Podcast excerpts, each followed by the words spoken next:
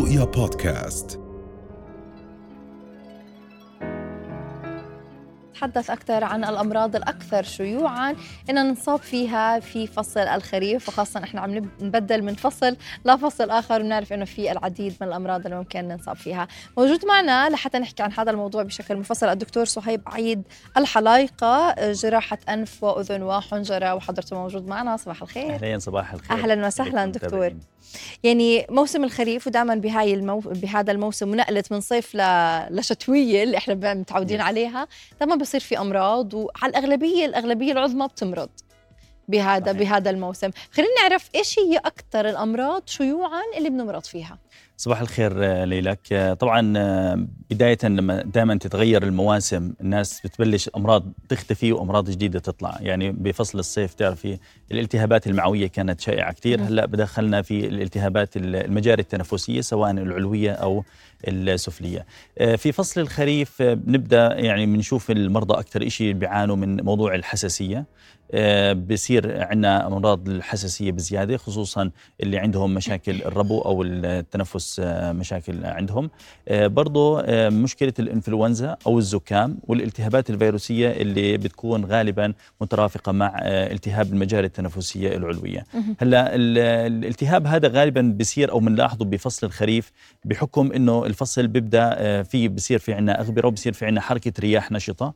فهي حركة الرياح بتساعد نوعا ما على نقل الغبار الغبار ونقل الأشياء اللي بتحسسوا منها الأشخاص. وبنفس الوقت بتنقل الميكروبات أو الفيروسات اللي ممكن تعدي من شخص لشخص ثاني نعم. بهي الطريقة. نعم. فهي أكثر الأمراض شيوعا خلينا نحكي. نعم. طيب كيف إحنا بنقدر نعرفها؟ شو الأعراض اللي بتظهر علينا؟ خاصة إنه في أمراض بتكون أعراضها متشابهة. في عندهم بعض الأعراض صحيح. يعني هي خلينا نحكي بحكم إنها كلياتها هي عبارة عن أمراض تنفسية. فبالتالي تشترك في كثير من العلامات والأعراض. منها اللي هي سيلان الأنف أكثر شيء العطاس.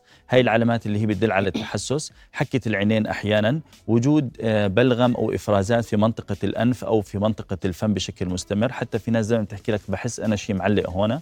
آه هاي كلياتها من أعراض التحسس. هلأ لما تزيد هاي الأعراض بزيادة ممكن يصير في عندنا اللي هي الإنفلونزا أو الرشح.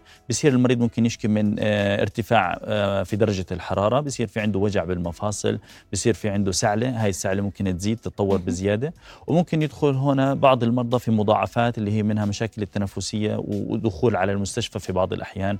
يحتاجوا بعض بعض الفئة العمرية أو بعض المرضى اللي عندهم مشاكل طبية خاصة. نعم، طيب دكتور مؤخرا صرنا كثير نسمع ناس بقول لك أنا رشحت أنا فلوزت أنا صار في عندي التهاب بحلقي والمفروض إني هلأ طبت وخلصت دواي وكل أموري تمام ولكن قلب معي على حساسية. فليه اليوم عم نشوف بأنه الرشحة العادية أو الفلو اللي إحنا بنصاب فيها بتتحول لحساسية؟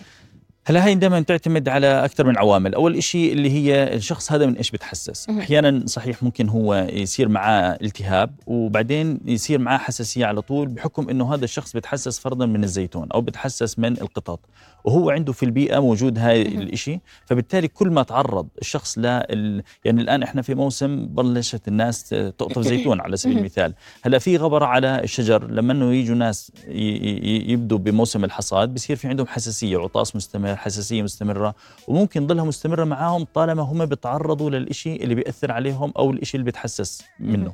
فإحنا دائما بننصح المرضى إنه يعرف من شو هو عم بيتحسس. أحيانا في مرضى بتح... يعني مريضة مرة حكت إنه آه، نقلت البسة من عندها لأنها بتتحسس منها. عملنا لها فحص الحساسية وجدنا إنه ما عندها حساسية من هذا الموضوع.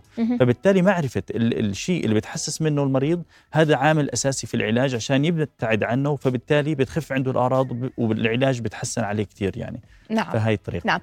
تغير المواسم يعني زي ما ذكرت هلا فرضا الدنيا شتت شوي نعم. فهذا الإشي بشيل يمكن بيكون في غبرة وفي أتربة بتكون موجودة بالجو هل هذا الإشي كمان بيخلي الحساسية تزيد عند بعض الأشخاص؟ هلا ليلك موسم الشتاء أو الخريف بشكل عام تعرفي درجات الحرارة بتنخفض.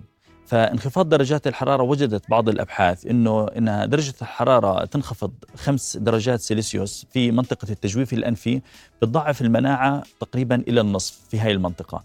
فبالتالي بتخلي عندنا نسبة الالتهابات في فصل الخريف وبداية فصل الشتاء أكثر من غيرها. شغلة تاني خلينا نحكي إحنا بالفصل هذا بنبدأ بتعرفي نتدفى ونسكر البيوت نسكر الشبابيك وبالتالي بصير في عندنا تزاحم بالغرفة. بيكون في أكثر من حدا بتكون المنطقة مش مهوية.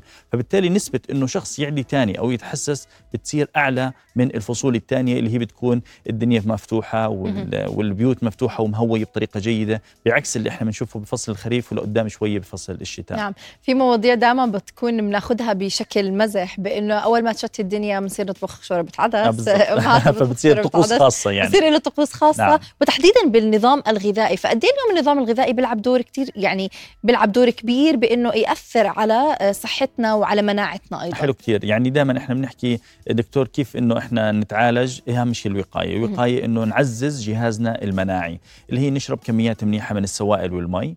آه ننام منيح هذا كله بيلعب دور في المناعة.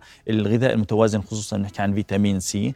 آه نبعد شوي عن ال fast food وعن الأشياء هذه الخضروات الفواكه كلها هاي غنية بالفيتامينات. هاي بتعزز الجهاز المناعي عندنا فبالتالي بتخفف من آه نسبة إنه آه، نتعرض لالتهابات أو في حالة تعرضنا لالتهابات بتساعد على إنه سرعة التشافي منها. يعني في ناس بيقول لك والله دكتور أنا قعدت أسبوعين لحديت ما طلعت من المرضى وفي ناس بيقول لك أنا طلعت أسبوع. هي كلها بتعتمد على إيش؟ على جهازنا المناعي. فبالتالي كل شخص داير باله أكثر على جهازه المناعي من ناحية النوم الراحة الأكل الرياضة هاي الأشياء كلياتها بتساعد إنه إحنا نطلع من المرضى تبعتنا بأقل آه، مدة وأقل تكلفة يعني نعم. حتى. من من خلينا نحكي الخطوات الوقائية في أشخاص بحبوا إنهم ياخذوا آه، اللقاح خلينا نحكي نعم. ضد الإصابة بال flu. فقد إيه هذا الموضوع بيأثر وبيفيد خاصة هلا بعد طلعتنا من كورونا والفيروسات كلياتها؟ كثير مهم وكثير حلو. اللقاح كثير كثير خصوصا ال seasonal flu اللي هي الإنفلونزا الموسمية آه، أكثر شيء بيساعد إنه الناس ما تنصاب فيها أو تخفف من أعراضها أو تخفف من الحدة تبعتها اللي هي إنه ناخذ اللقاح. ممكن تستغربي من الأرقام حسب ال WHO تقريبا من 250 عندنا كل سنة في 1 بليون شخص بنصاب بالإنفلونزا. من 3 إلى 5 مليون منهم بنصابوا بإنفلونزا حادة بتكون عليها أعراض تنفسية حادة. نسبة الوفيات من هدول خلال السنة الواحدة من 250 إلى 650 ألف. إحنا بنحكي عن رقم كثير هائل لكن نعم. يمكن إحنا مش كثير مطلعين عليه. هلا WHO وال CDC والمنظمات أغلبها نصحت بلقاح الإنفلونزا. ليه؟ لأنه وجدت إنه أغلب الناس اللي بياخذوا هذا اللقاح أول شيء آه، بخف دخولهم على العناية المركزة في المستشفيات. وإن كيس أو في حاله دخلوا على العناية المركزة فترة إقامتهم فيها بتكون قليلة قليل. جدا أقل من أربع أيام. فبالتالي فرصة التعافي وعدم دخولهم بالمضاعفات أو لا سمح الله في الوفاة بتكون عالية جدا. فإحنا بالعكس بننصح أي شخص فوق الست شهور وفوق ال 65 سنة إنه ياخذ المطعوم. هدول الفئة العمرية كثير مهمة. يعني في ناس بتقول لك لا أنا كبير بالعمر حرام آخذ المطعوم. بالعكس ضروري جدا إنه ياخذ المطعوم لأنه هم أكثر عرضة إنهم لا سمح الله يدخلوا بالمضاعفات. فبالتالي ال flu shot أو ال flu vaccine كثير بننصح فيه وكثير ضروري. و by the way أو بالمناسبة إنه الفترة هاي شهر تسعة وشهر عشرة هي الفترة المحببة والمقترحة إنه ناخذ فيه مطعوم الإنفلونزا. نعم.